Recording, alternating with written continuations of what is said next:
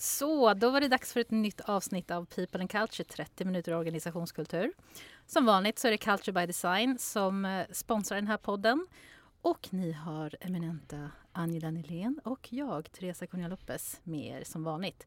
Men idag har vi också en gäst. Och det är inte vem som helst, det är Johan Bok, engagemangsdoktorn. jag har bara väntat på att få säga det här Johan. dock, dock inte legitimerad, men, men ändå. Nej men alltså det är ju så, bara det namnet tycker jag är otroligt kreddigt. Undrar vad en engagemangsdoktor gör? Om man ja, det, botar det, dåligt ja. engagemang? Ja men exakt. Det, det skulle det kunna vara. Det är lite därför vi har bjudit in dig idag, ja. eller hur Angela? Ja men precis och jag måste säga, jag som inte har träffat Johan tidigare, jag kopplar ju bara ihop din röst med just engagemangsdoktorn så för mig klingar det väldigt rätt och bra.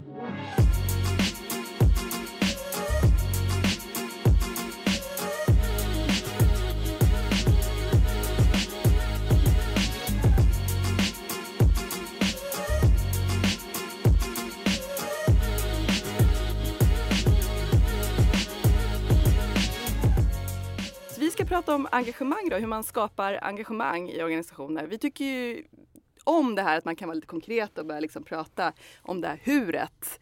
Eh, och vi pratade mycket om det under lunchen här innan, att vi har ju det gemensamt att vi... Eh, vi diggar huret. Vi diggar ja. huret, Då är vi tre i det här rummet som Precis, och vi tycker inte om att vara bajsnödiga och ni ja. tycker inte om att vara... vara skitnödiga.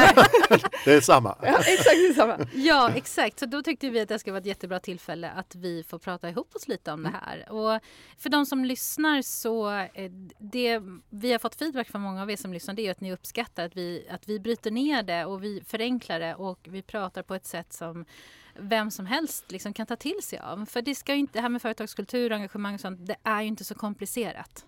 Eller hur? Nej, jag skulle säga att det är väldigt enkelt egentligen, mm. men det handlar om att börja göra saker och det är det människor har svårt för. Det är att förändra beteenden är inte alltid helt enkelt. Nej. Mm. Och ni har ju till och med skrivit en bok om det här, apropå Ja, att om att börja göra. Ah. Ja, eh, och den tar väl grund i att om man tittar på ledarskapsutveckling till exempel, så tittar man i transfer of studies, för man tycker ju så, vad fan, eh, ska vi ha bättre chefer, då skickar vi dem på en utbildning. Men så ser man att effekthemtagningen är faktiskt ganska låg.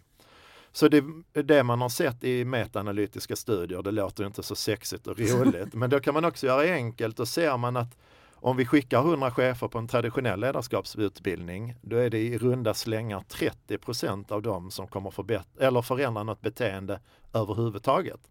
Och då har man inte ens tittat på om de här beteendeförändringarna för något positivt med sig i form av ökat engagemang och så vidare. Men det är hela 70% som inte förändrar något beteende alls. Och det är ju beteendet magin ligger. Så det är egentligen skitsamma vad vi kan eller vill eller planerar. I slutändan är det bara vad vi gör.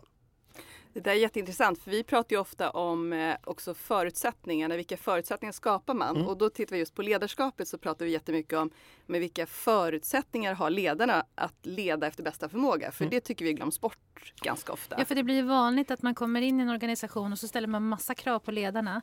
Att de förväntas leverera, som jag brukar säga, så här, står där med den här magiska trollstaven och nu ska ni få dem att hoppa högt.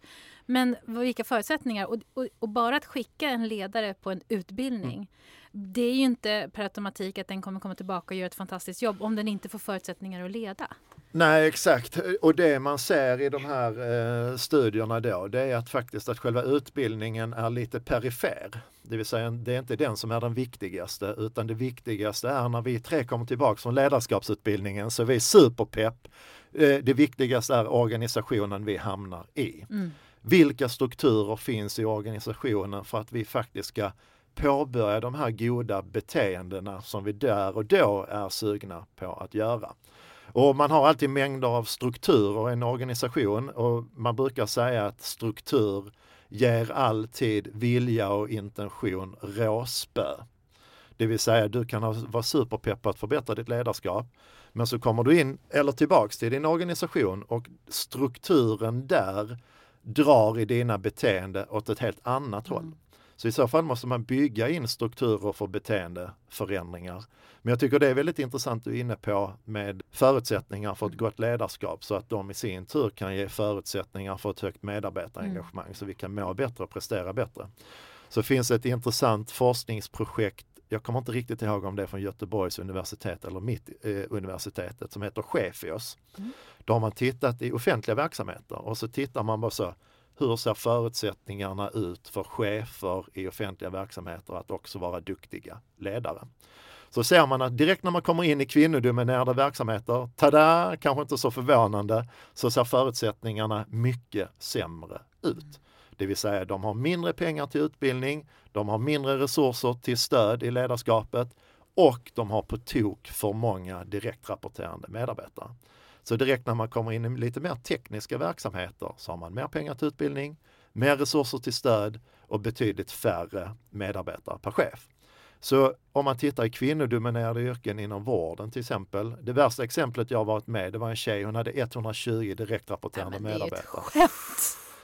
Och alla de andra hade 60 till 70 direktrapporterande. Det tyckte de var lite soft. Eh, men det man ser väldigt tydligt i eh, studier det är att det räcker man har mer än 15-20 stycken så sjunker produktiviteten ganska markant och sjuktalen ökar. Det är ju för att du har svårt som chef. Det blir mycket mer utmanande ju fler medarbetare du har som du både ska bygga en förtroendeingivande relation till och du ska styra deras beteenden i en viss riktning och du ska uppmuntra dem så att de känner sig synliggjorda och så vidare. Någonting jag också tänker på det är den här eh, hur många ledare har vi inte träffat som också förväntas leverera själva? alltså som har leveransansvar mm. själva och samtidigt då ska ta hand om alla dessa medarbetare som de också då ska finnas där för. Och den tycker jag, så den ekvationen den går inte ihop helt enkelt. Nej. Ledarskap tar ju tid eh, så den eh, observationen är ju helt korrekt. En annan sak som jag nu har jag ändå jobbat, den börjar bli lite till åren. Det är ju så varför har man blivit chef? Och, och, traditionellt så handlar det om att klättra en hierarki och det är ju ganska långt ifrån alla som eh, tackar ja till en chefsroll för att de är, jag är så jävla pepp på det här och ge mina medarbetare de allra, allra bästa förutsättningar för högt engagemang och de ska må bra, de ska prestera bra, de ska få vara med i innovationsarbetet. Eh, det är ju ändå ganska få, utan de flesta är ju så här, okej, okay, jag klättrar en hierarki, jag får en lite flashig titel, det är fint att vara chef och jag får lite mer pengar i plånboken och lite mer att säga till om. Sen själva medarbetaransvaret är det ju ett gäng som ser som ett nödvändigt ont. Och då kommer det inte bli speciellt bra. Så där jag, jag tror och hoppas att det i framtiden liksom kommer vara de som är genuint intresserade av att eh, leda andra som blir chefer. Och de som är jäkligt duktiga i sin yrkesutövning, de blir specialister. För ett ledarskap handlar ju inte om att styra och kontrollera, snarare om att visionera och engagera. Så de där specialisterna kommer fortfarande ha lika mycket att säga till om, för man kommer vara mer autonoma så att säga. Men då måste ju cheferna våga släppa kontrollen och det är inte alltid helt enkelt. Det finns ju nog, eller det har varit en trend ganska länge att det är färre, i alla fall när man tittar på yngre personer som vill bli som vill ha det här chefskapet, mm. i alla fall leda andra. Det, det, känns ju inte som liksom en slump, precis som när du beskriver det, de här äh, kraven som finns. Vad skulle du tro att eh, man ska göra istället för att man ska få det, precis som du pratar om, att man ska få de här personerna som faktiskt brinner för att leda andra människor. Vad beror det på att det är så här? Att det liksom mer handlar om titlar och, och den aspekten snarare än att, viljan, att man lyfter de som vill leda andra? Har du några tankar kring det? Ja, men jag tror fortfarande det lever kvar lite från industritiden, liksom, att den som är bäst på något, han eller hon ska också vara chef. Problematiken där blir ju att liksom, då går man ju väldigt gärna in och detaljstyr och det är ju demotiverande för de allra flesta medarbetare. Så, men jag hoppas, ja, som jag sa innan, mer de som har en ledande roll, de ska vara så jäkla taggade på mm. att min viktigaste uppgift är att strukturera arbetet till viss del, men sen se till att mina medarbetare har fantastiska förutsättningar att göra bra grejer. Och det är inte en annan grej, och det vet jag inte om ni delar min erfarenhet av, det var när jag blev chef, då kändes det som, som det var inbyggt, inbyggda förväntningar att det var jag som skulle komma med de bästa idéerna. Och så är det ju inte alls. Jag ska ju bara se till att de bästa idéerna förverkligas på något sätt. Jag tänker på det här uttrycket att man ska se sig som en möjliggörare. Mm. Som chef. Det är jättefint. Mm. Den tycker jag, för det säger så mycket om själva liksom fokuset på mm. ledarskapet. Man ska möjliggöra och då är det möjliggöra för utveckling, för samarbete, för innovation. Alltså det finns så många, då blir det rätt fokus tycker jag. Mm. Jag håller helt med. Och nu, precis, och nu är det ju att man ska vara mänsklig som chef, så är det precis tvärtom. Alltså det, det, mycket studier och forskning visar just på det, att vi är mer benägna att följa någon vi kan identifiera oss med. Ja, herregud. Eh, eller gillar Ja. eh, till och med. Det finns ju en studie som heter LMX, Leader Member Exchange. Det är världens största metaanalys liksom i, i härradet eh, relationen eh, chef-medarbetare. Och då tittar man så, vad är det absolut bästa att titta på om vi ska predicera, det vill säga förutspå eh, goda medarbetarprestationer. Och det absolut viktigaste och enklaste att titta på det är om de klickar med sin chef. Det är det absolut viktigaste. Och då är det lite olika faktorer som tillit, att jag faktiskt litar på min chef, förtroende, att jag upplever att min chef har förtroende för mig och jag har förtroende för honom eller henne. Och så är det någonting som heter professionell respekt, det vill säga att om jag anställer dig för att bli engagemangsexpert i mitt bolag så ska du också få utrymme att nyttja din expertis. Jag ska inte detaljstyra dig för jag kan det inte. Och hur många blir rekryterade på det när man Ja. får en chefsroll? Liksom så, Okej, du som får den här chefsrollen, hur stor är din benägenhet att de här medarbetarna kommer klicka med dig och faktiskt tycka om dig på riktigt? För det är det absolut viktigaste. Mm. Bortsett från det, vad skulle du säga, för just det här att man, att man är liksom likeable eller omtyckt, men Mm. vad, vad mer Ska man, vad är det som skapar engagemang alltså i ledarskapet? Finns, vilka faktorer samma, skulle du sammanfatta eller har du några sådana? De här Ja. aspekterna. har du något du kan dra till med så här? Engagemangsdoktorn. Nej, vad är receptet? Det finns ju något som heter Full Range Leadership Model. Det är världens mest välbeforskade ledarskapsmodell och sprunget ur den finns ju Self-Determination Theory, det vill säga lite klumpigt översatt till svenska självbestämmande teorin. Men det den tittar på det är att alla människor runt om på hela vår planet har eh, psykologiska behov. Och i det här fallet är det modern motivationsforskning, så Maslows behovstrappa kan man lite så här plocka undan för den är, är både gammal och inte speciellt evidensstark och eh, livet i, på vår planet ser lite annorlunda ut nu ändå. Vi behöver inte kriga för vår överlevnad på riktigt samma sätt nu. Men då har vi tre psykologiska behov, kompetens, autonomi och samhörighet. Ju mer vi upplever dem tillfredsställda på jobbet, desto bättre kommer vi att må och desto bättre kommer vi att prestera. Och det ser man är en väldigt viktig del i vår självkänsla och självförtroende. Och då befinner vi oss i olika kontexter och kulturer hela tiden. Så jag kan ju vara på ett jobb där jag tycker bara så, fy fan vad mina psykologiska behov är tillfredsställda. Man tänker ju inte så för man är inte riktigt själv medveten om det.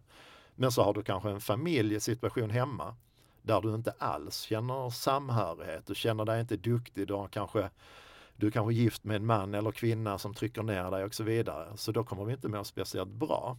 Så det man tittar på är ju att du ska uppleva dina psykologiska eh, behov tillfredsställda i alla situationer du befinner dig. Och då är vi oerhört styrda av förutsättningar kring oss.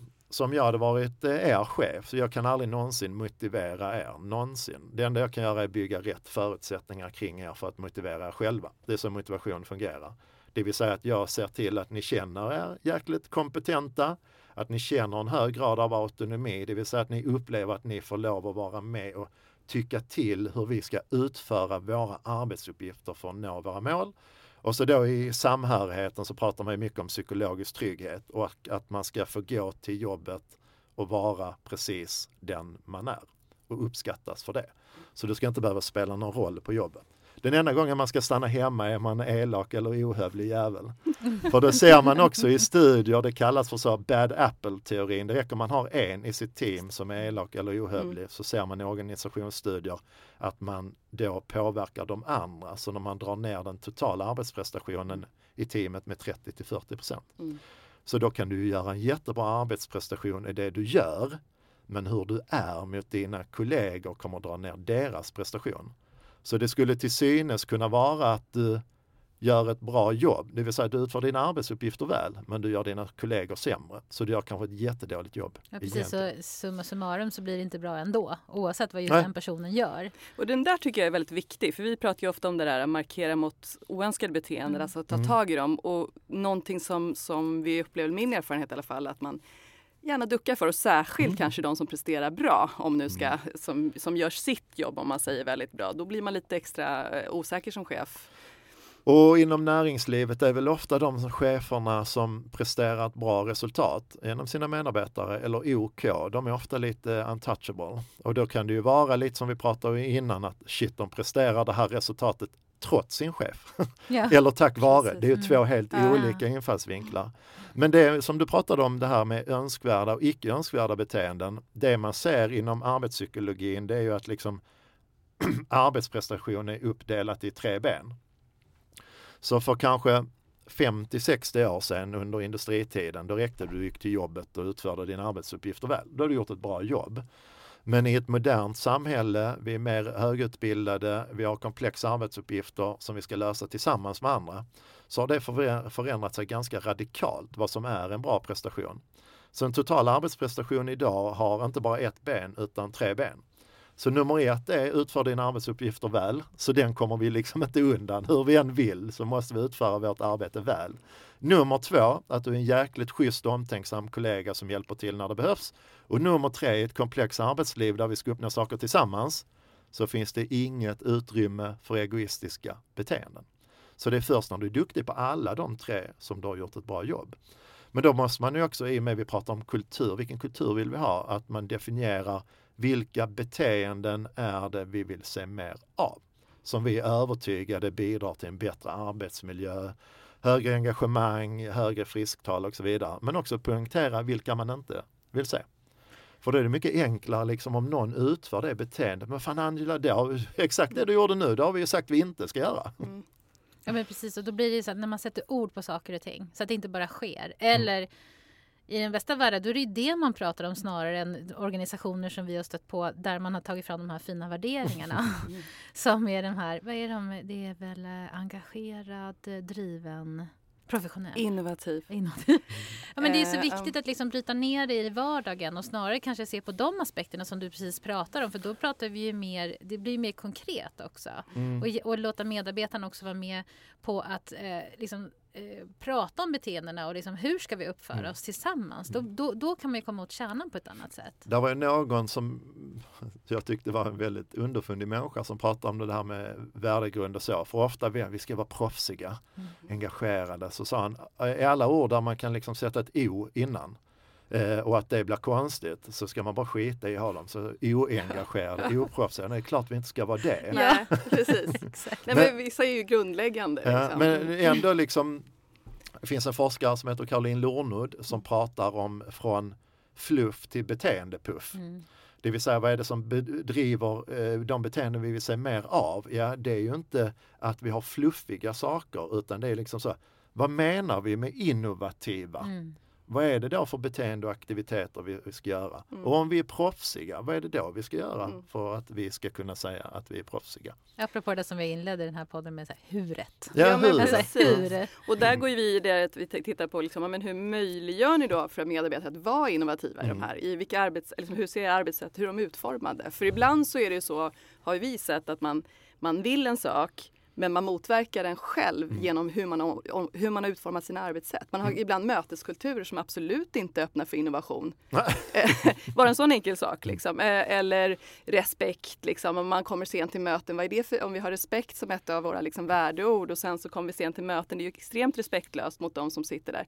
Alltså, det finns massa sådana där grejer. Och då pratar vi om konsekvenser. En av de viktigaste sakerna i beteenden det är ju att man ser konsekvens av sitt beteende. Helst ska man se en puss, alltså när man gör någonting bra så ska man få uppmuntran för det för då kommer vi vilja göra det mer.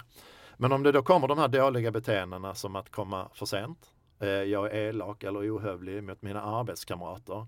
Det är en oerhört viktig del i ledarskapet att gå in och ge det en konsekvens och säga det här är inte okej som du gjorde på det här mötet.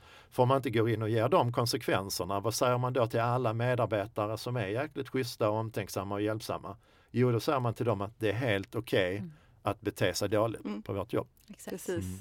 Och det där tycker jag också så att ibland så är det ju viktigt också att markera då inför kanske samtliga medarbetare, alltså säga inför alla. För att många tror att man löser det genom att bara plocka den där enskilt vid sidan av. Men då har man inte heller visat för resten av organisationen att det är faktiskt inte är okej. Jag brukar säga att liksom de största kulturförflyttarna behöver inte vara det att man alltså tillsätter nya positiva beteenden.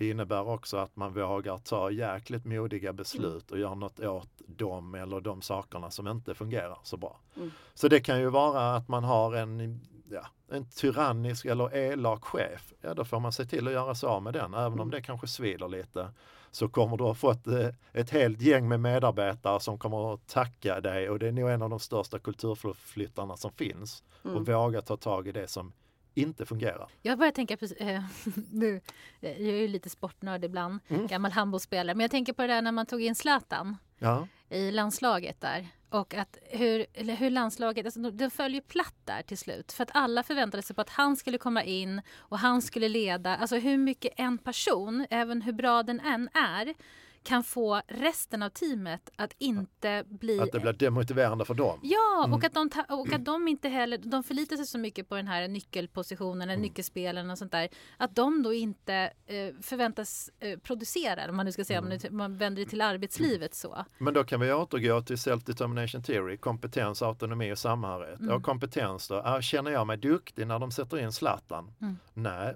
för det är han som ska ha alla pass, det är han som får Mm. allt rampljus på mig. Känner jag en hög grad av autonomi, att jag får vara med och tycka till hur Mm. vi ska spela? Nej, det gör jag inte, för nu plötsligt är det Mm. Zlatan som styr. Mm. Och samhörigheten då? Nej, den känner jag inte av så Nej. speciellt mycket heller. Så det med kompetens, autonomi och samhörighet, det kan man alltid luta sig mot. Mm. Och detsamma gäller att, nu vet jag att ni har barn, Mm. jag har också barn. Det är ju att titta på, tillfredsställer jag deras psykologiska behov eller inte? När det kommer till samhörighet visar jag verkligen att jag uppskattar dem som personer, inte bara deras prestationer. Mm. Och det är ju oerhört viktigt att om man tittar på det här med feedback till exempel, det är ju att liksom man ska aldrig i stort, eller man ska i stort sett aldrig ge beröm för ett resultat. Utan man ska vara jäkligt intresserad av hur det har gått till. Så varje gång jag säger att nu hade min dotter alla rätt på matteprovet, då fick jag ju nästan så här strypa mig själv att inte säga Fan vad bra att du fick alla rätt på matteprovet. Utan jag fick verkligen vara så, Molly, hur lyckades du med att få alla rätt på det här matteprovet? Så man är i huret hela tiden. Åh, jag får sån ångest när man pratar om det här för varenda gång så känner jag så här att jag vill ju vara bra på det här men alltså jag får så här, det kommer automatiskt. Jag vet inte, jag, förs- jag jobbar verkligen med det men det kommer att jag blir så här, Men då var bra, när vad duktig du är. Och om vi nu är inne på barn och styra beteenden, så vi föräldrar älskar ju tillrättavisningar. Och tillrättavisningar är ett jätte, jättedåligt sätt att styra beteenden på lång sikt. Men det är när man uppmuntrar rätt beteende. Det är världens Mm. bästa beteendeförflyttare. Men det lägger man ju inte lika mycket tid på. Positiv förstärkning. Positiv förstärkning. Jag gjorde ju det med mina barn för de var inte sådär, bordsskicket hos dem var lite sådär, och då har jag ändå inga höga krav, utan jag hade en regel på fyra. Sitt på stolen, ha maten på tallriken, kniven eller i munnen. Sen är allt fine. Men jag bara, Molly, de kunde ligga ner på rygg på golvet och äta, vilket känns så här, inte får ihop. Eh, och då köpte jag den här boken Fem gånger mer kärlek, som- vilket är fantastiskt. Då var jag så bara, vad fan det här är ju en ledarskapsbok Mm. och det är i stort sett samma kriterier man drar igång. Mm. Så då började jag uppmuntra dem när de gjorde rätt. Och det kändes ju jättekonstigt. Så här, Molly, vad bra du sitter på stolen. Hon bara, va? Och så var jag till Ebba, så Ebba vad kul, liksom, det verkar som nästan all maten har kommit in i munnen för det ligger knappt någonting på bordet. Men då förändrade de sina beteenden jättesnabbt. Så istället för fem års tillrättavisningar med typ noll effekt så behövde jag bara någon vecka och sen helt plötsligt såg det helt annorlunda ut. Men det där är jätteintressant. Den kan användas som du säger både på ledarskap och barnuppfostran även i relationer. Så har ni Ja. inte läst den så är det ett tips. Fem gånger mer Ja, det, kärlek. Ja. ja, det var ju som du sa, eh, det första jag tänkte när han bläddrade fem sidor i den bara var så, fy fan vilken dålig pappa jag är. Så ångesten. Ja. För man vill in och läsa direkt och då blir det Ja. ofta en tillrättavisning. Kan vi inte reda ut för alla lyssnare skillnad på motivation och engagemang? För de här begreppen Jag kan säga att det var precis det jag var inne på. Ja, Så det blir roligt. jättebra. Ja, för de här begreppen blandas ju ihop titt som tätt. Och ibland så kan man komma på sig själv med att använda fel begrepp vid fel tillfälle också. Mm. Eh, och jag tänker du som engagemangsdoktor här. men då kan jag inget om motivation. Nej, nej precis. Men då kan säga, Nej men om man tittar i forskningen kring engagemanget är det ju fortfarande så lite oense om vad är det egentligen. Men motivation säger man den mängd och drivkraft, mängd och kvalitet på den drivkraft man har när man utför en arbetsuppgift. Mängd och kvalitet på den drivkraft man har när man utför en arbetsuppgift. Engagemang handlar mer om den känslomässiga kopplingen till min organisation, eh, mina kollegor, eh, mina intressenter, vårt uppdrag eller vår vision så att säga. Men när man då pratar motivation eh, och de har ganska svårt liksom att inte flätas in mm. i, i varandras eh, händer och fingrar. Jag brukar ta min mamma som exempel. Hon är 73 år gammal nu och jobbar fortfarande som sjuksköterska. Och har gjort det i 57 år kanske. Så när jag frågar min mamma så är du engagerad på jobbet? Då ser hon jävligt arg ut och bara känns som hon tar upp en hagelbössa och bara vill bränna huvudet av mig. Så säger han så, du det kan du ge dig fan på att jag är engagerad på jobbet. Men det som är så intressant är att det engagemanget är otroligt kopplat till patienterna. Hennes engagemang är i gräns, gränssnittet sjuksköterska-patient. Om jag frågar henne så här, mamma, är du engagerad i den arbetsmiljö som Region Skåne erbjuder dig att göra ett bra jobb i? Så är inte svaret riktigt samma.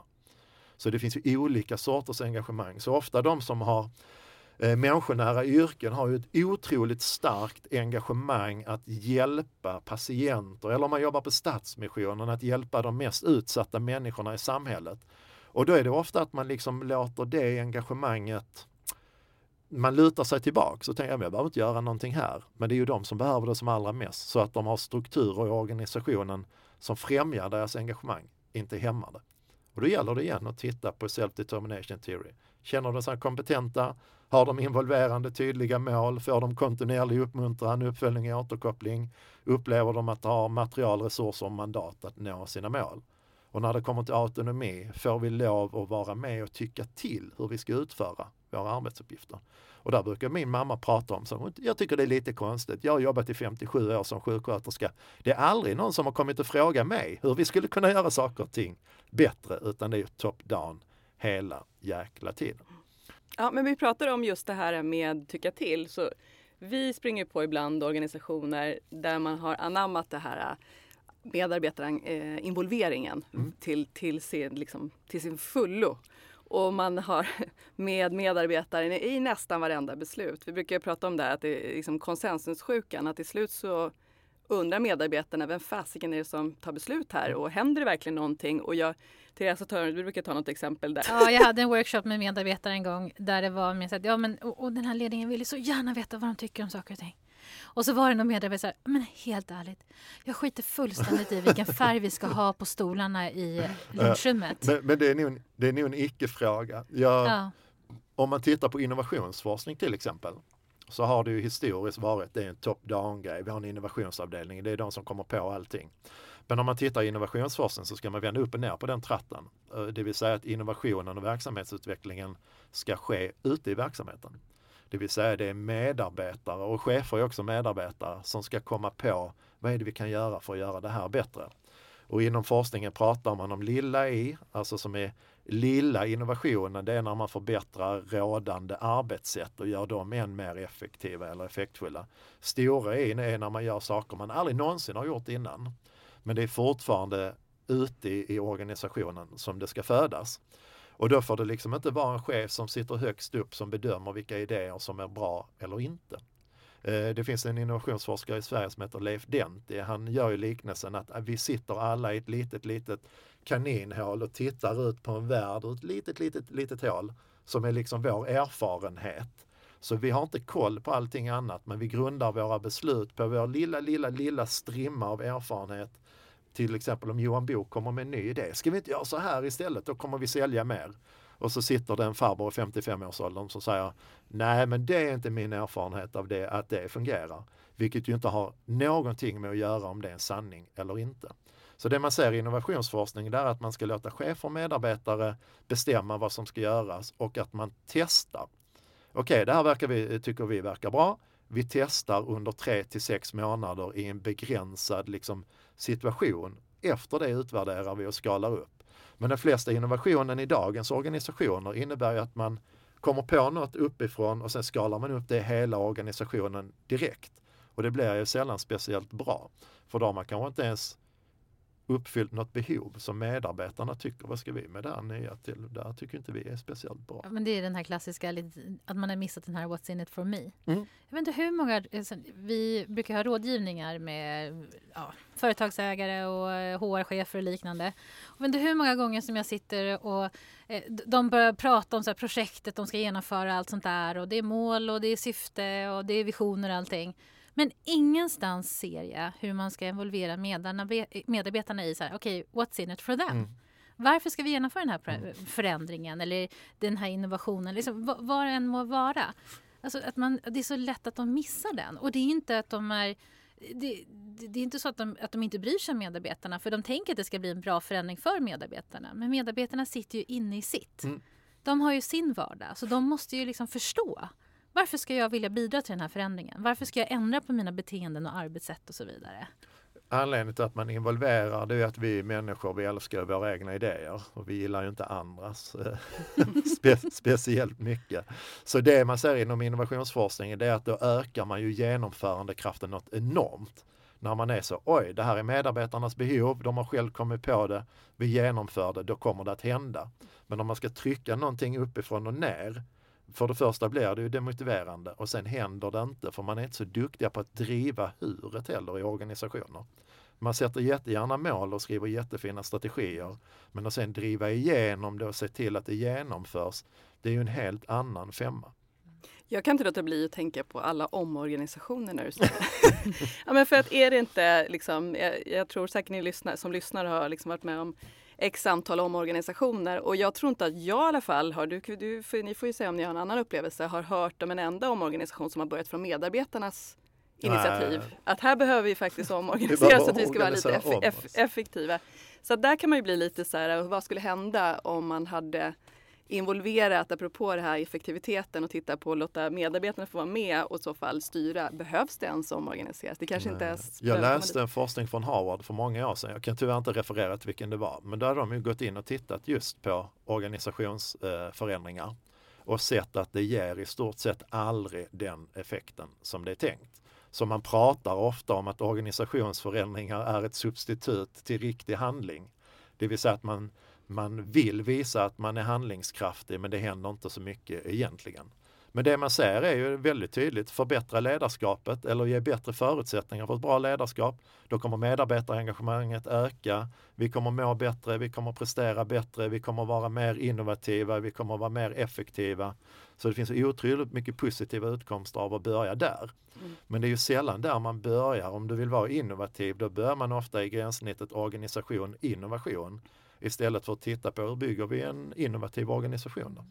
Jag tänker på eh, Signy tycker jag har varit väldigt bra på mm. det sättet. Vi hörde ju Jon Persson eh, prata om hur de brukar involvera medarbetarna i just förändringsresor och sådär. Att liksom att så fort de konstaterar att de behöver göra en förändring då, då, då tittar de igenom då, okay, vilka kommer beröras av förändringen. Okej, okay, det är de här personerna i organisationen. Att de involverar dem på en gång då. För att lite sådär, okej, okay, liksom, de får nästan vara lite djävulens advokater nästan. Okej, okay, vad finns det för farhågor? Mm. Vad finns det för potential, vad, möjligheter och så vidare. Och det gillar jag verkligen. Att hela tiden ha den alltså kompassen. Att hela tiden, okej okay, nu ska vi göra en förändring, vilka berörs av den, de ska involveras och sen kan de då dra vidare processen. Det var roligt att du nämner Jon, för jag satt i en någon expertpanel med honom för många år sedan på Allt för hälsan-mässan i Stockholm eller något sånt. Och då satt han och pratade om att eh, vi, hos oss har vi inga mål. Eh, och det var ju väldigt tydligt när han väl pratade att nej, de har inga traditionella mål, alltså kring ekonomi, men de hade massor med mål kring huret. Mm. Och det är ju det som är grejen. Liksom, eh, resultatet är ju bara en konsekvens av vad man gör. Så det är ju görandet mycket, mycket viktigare än själva resultatet. Men det är ju väldigt få ledningsgrupper som jag genom 20 år i branschen har tänkt så här bara shit vad de följer upp att huret faktiskt händer. Utan det är ju, de sitter ju och stirrar sig blinda på sina siffror som man kan dra ur ett mm. system. Mm. Problematiken med det är ju att det inte finns några förklaringsfaktorer till varför det blev som det blev. Mm. Men om man har stenkoll på huret, det vill säga vi ska få nöjdare kunder eller vi ska sälja mer. Okej, okay, hur fan ska vi lyckas med det då? Så är det x antal delmål och aktiviteter och så följer man kontinuerligt upp dem. Hur går det med den här aktiviteten? Går det bra, mindre bra? Vad ska vi göra åt det? Och den här aktiviteten. Så då ser man ju sen att oj, nu ökade resultatet. Ja, men tacka fan för det, vi har ju lyckats med allt vi tog oss för.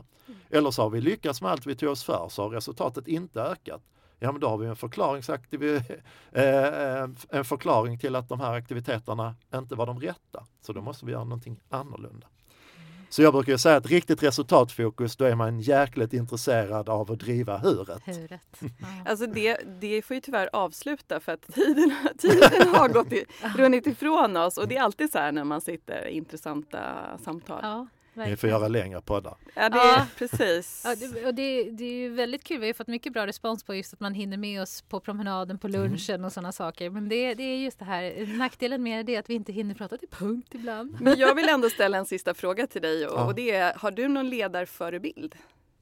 Ja, Vet Ja, min första chef i mitt första vita jobb, Dragan, han var fantastisk. Ditt första vita jobb. Eh, Jag har jobbat en del med cheferna i Skatteverket innan. De blev alltid så, vänta nu Johan, vad, vad sa du nu? Nej, jag var, jag var mycket svart på byggen i Malmö när jag var, gick i, i gymnasiet. Men jag började som cykelbud och fick en fantastisk chef. Och när jag var, kom dit, då var jag lite så här, men vad fan är, är Dragan verkligen en chef? Och då var jag ju så här att min mamma och pappa eller de jag kände som var äldre, jag hade aldrig hört någon prata om sin chef i positiva ordalag. Så jag var ju så, vad fan är det här en chef? Och den enda anledningen till att jag tvekade på att det var en chef, det var att han var jäkligt schysst. Men han var ju så fantastisk med oss. Vi var ju 12 stycken 19 till 23-åringar. Man kunde aldrig någonsin komma in på kontoret med sin cykel eller budbil utan att han var där. Tjena Johan, hur är läget? Och så vidare. Involvera oss i jättemycket saker och framförallt en sak som jag tagit med mig det var att han väldigt ofta kom och la sin så här enorma hand på ens axel. Jag är själv ganska stor, men han var ju typ tre storlekar större. Så sa han, du Johan, stor svartmuskig man. Jag bara, ja, är det någonting jag som din chef kan göra för att ditt jobb ska bli roligare och bättre? Snacka om den där, det är den där som vi alltid pratar om, så här, klappen på axeln. Ja, men han, Alltså- han ville ju lösa Mm. alla de här grejerna som inte fungerar. Så vi behövde aldrig gå och gnälla om någonting utan han kom och frågade, vad är det som inte funkar? Så antingen löste han det då tillsammans med oss eller så såg han till att lösa det själv. Mm. Så det fanns liksom inga bromsar eller backar för vårt engagemang och produktivitet. Och det jag kom på där är ju att bara så, shit vad vi tycker det är roligt att köra och cykla bud och det är ju ingen jätterolig aktivitet år ut och år in. Men vi tjänar också mycket, mycket mer pengar än de andra avdelningarna som egentligen har exakt samma förutsättningar. Men de hade inte en Dragan. Mm. Så det är honom jag har tacka för mitt stora intresse för forskning. För då plötsligt blir jag så, shit vilken grej! En chef som betyder att vi tycker det är mycket roligare på jobbet och tjänar mycket mer pengar. Och den korrelationen ser man ju också otroligt stark inom forskningen. Mm. Se till att man har en duktig chef så kommer man tycka det är kul på jobbet. Kommer du prestera bra och vara mer lönsam om du nu är inom näringslivet eller vad det är. Tack! Det får vi väl avsluta avsnittet. Ja, och så måste jag fråga, har du kontakt med Dragan idag? Nej, Du har inte det? nej jag träffade honom för kanske tio år sedan, något sånt. Det Ja, är ja. senaste. Vi får, får tagga honom i det här poddavsnittet. Ja, Ja. Hitta rätt Dragan bara. Ja, det, det finns en del. ja. Jag har ju faktiskt en eh, Dragan ingift i min familj. Min Mhm. syster är ju gift med en man som har en far som heter Dragan. Nej, det är inte han. Det är inte han, för han Nej. bor här i Stockholm. Ja, Ni lyssnare kanske vet. Då får ni skicka in vilken Dragan vi pratar om.